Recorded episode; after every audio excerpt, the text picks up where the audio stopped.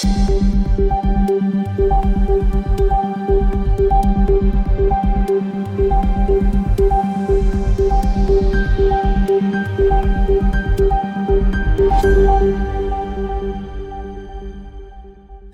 tilbake til Krimnytt, en podkast for deg som ønsker å følge med på aktuelle true crime-saker. 24. oktober i år så starta en rettssak som har blitt omtalt som The Eyedrop Murder Case. I 2018 ble 62 år gamle Lynn Hernan funnet livløs i sitt hjem i Pewaukee, Wisconsin, USA. Det var pleieren hennes, den 39 år gamle Jesse Kursanski, som ringte 911 etter å ha funnet Lynn delvis sittende i en stol med knuste piller på brystet og rundt seg. Jesse sa i 911-samtalen at dødsfallet var et selvmord, og fortalte politiet at Lynn hadde mye smerter og døyvet dem som best hun kunne. Politiet henla da saken, og dødsårsaken ble satt som selvmord. Tre måneder senere så kom obduksjonsrapporten. Obdusenten hadde funnet flere medikamenter i systemet til Lynn, og tetrahydrosolin var et av dem. Tetrahydrosolin finnes bl.a. i øyedråper, som her omtales som vaisindråper. Jesse fortalte da at Lynn ofte blanda vaisindråper med vodka for å håndtere smerte. Senere kom det frem at det var Jesse som hadde gitt Lynn en vannflaske som inneholdt seks flasker med Vaisin.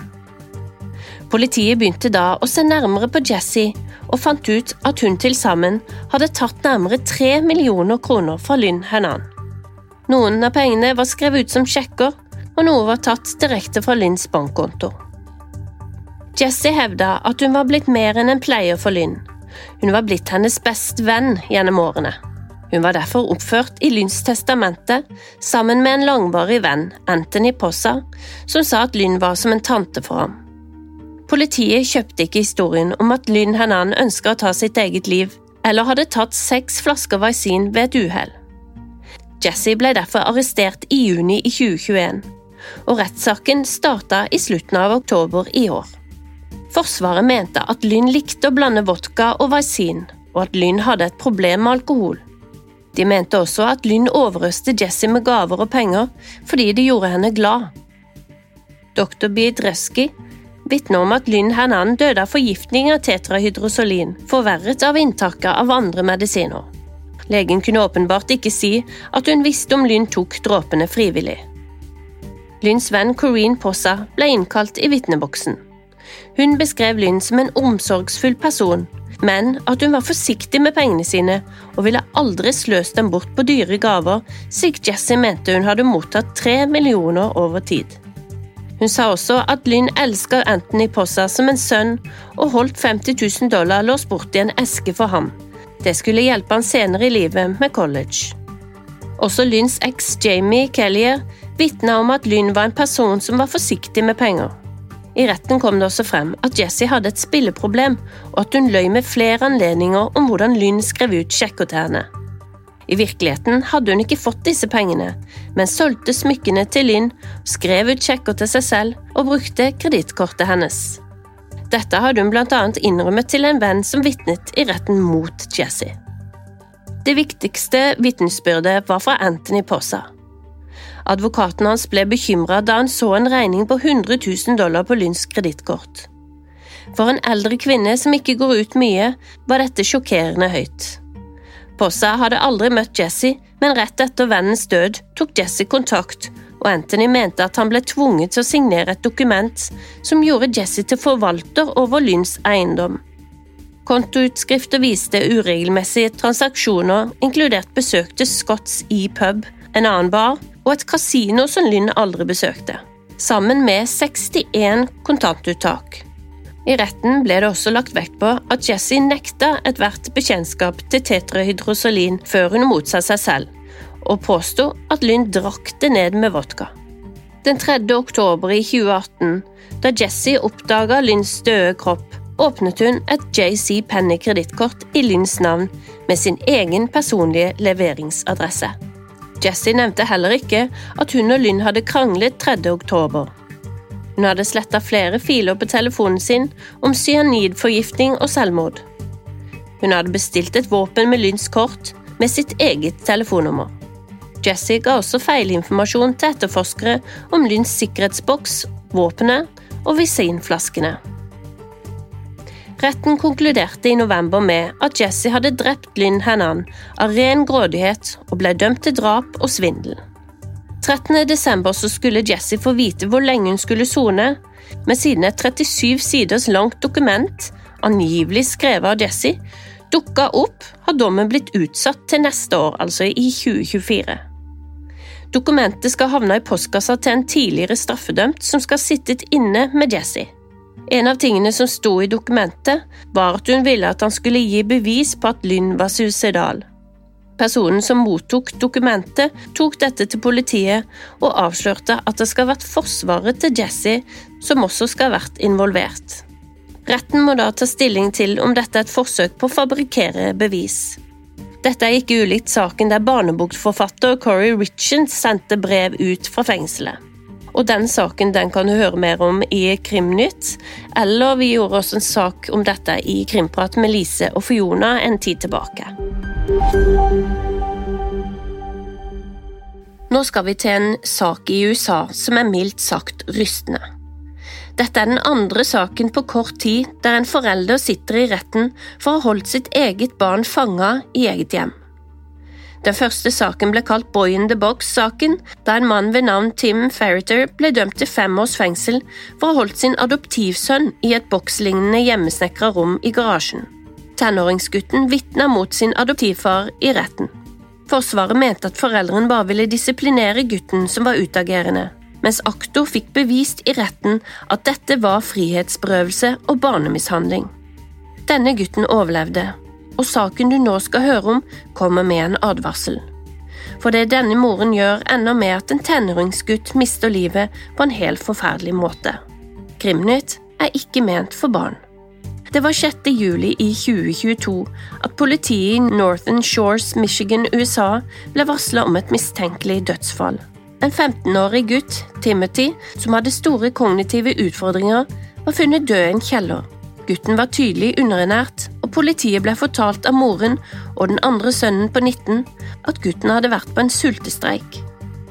I huset til 46 år gamle Shonda Wander Ark var det kamera overalt. Kjøleskap, fryser og matskap hadde låst på, og politiet ble fortalt av sønnen Paul og moren Shonda at de hadde disiplinert gutten med isbad tidligere på kvelden. Han var derfor sterkt nedkjølt og sjokkerende tynn. 15-åringen veide bare 32 kilo da han ble funnet. Politiet reagerte raskt, og Paul ble tatt inn til avhør. Det han først hadde fortalt politiet, var en løgn. Sammen med tekstmeldinger funnet på telefonen til Paul og Shanda, låste inn mat og kamera i huset, forma det seg et bilde av hva som virkelig hadde skjedd.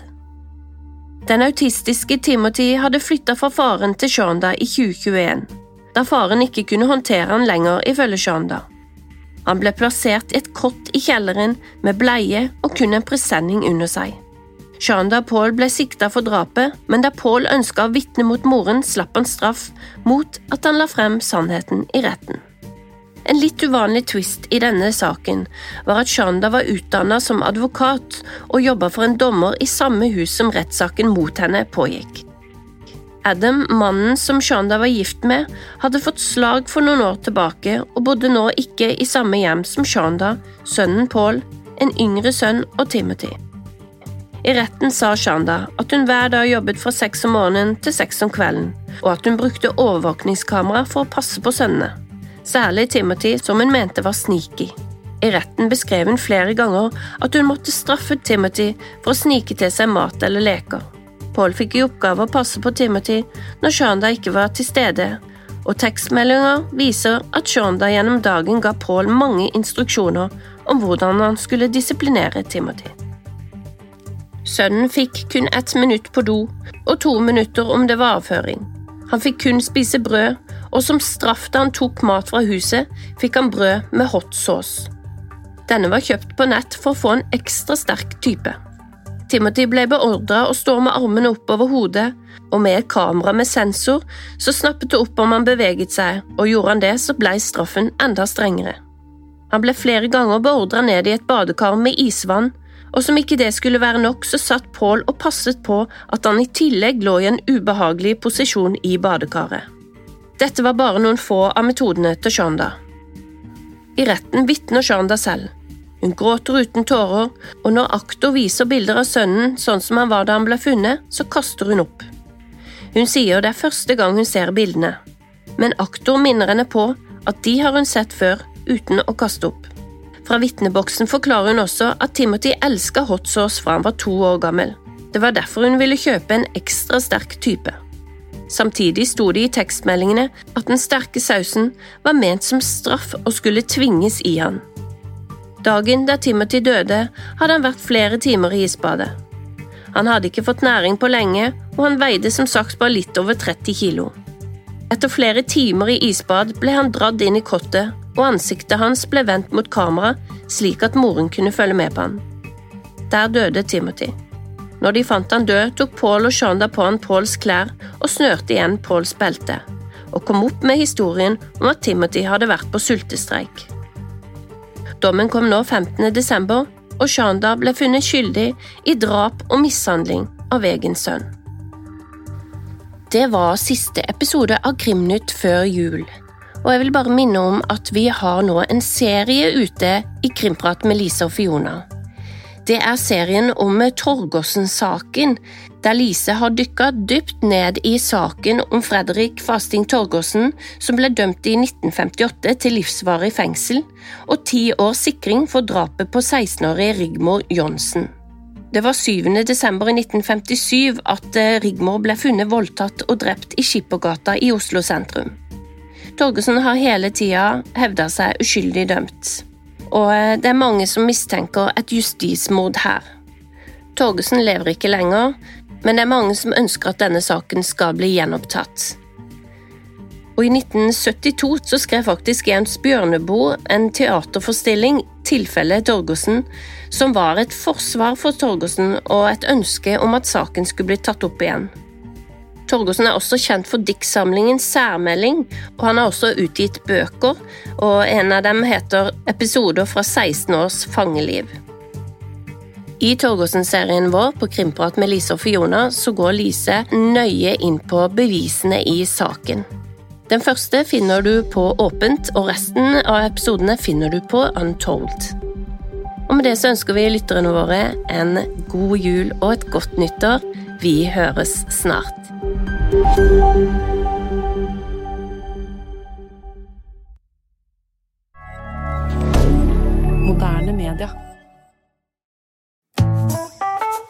Har du et enkeltpersonforetak eller en liten bedrift?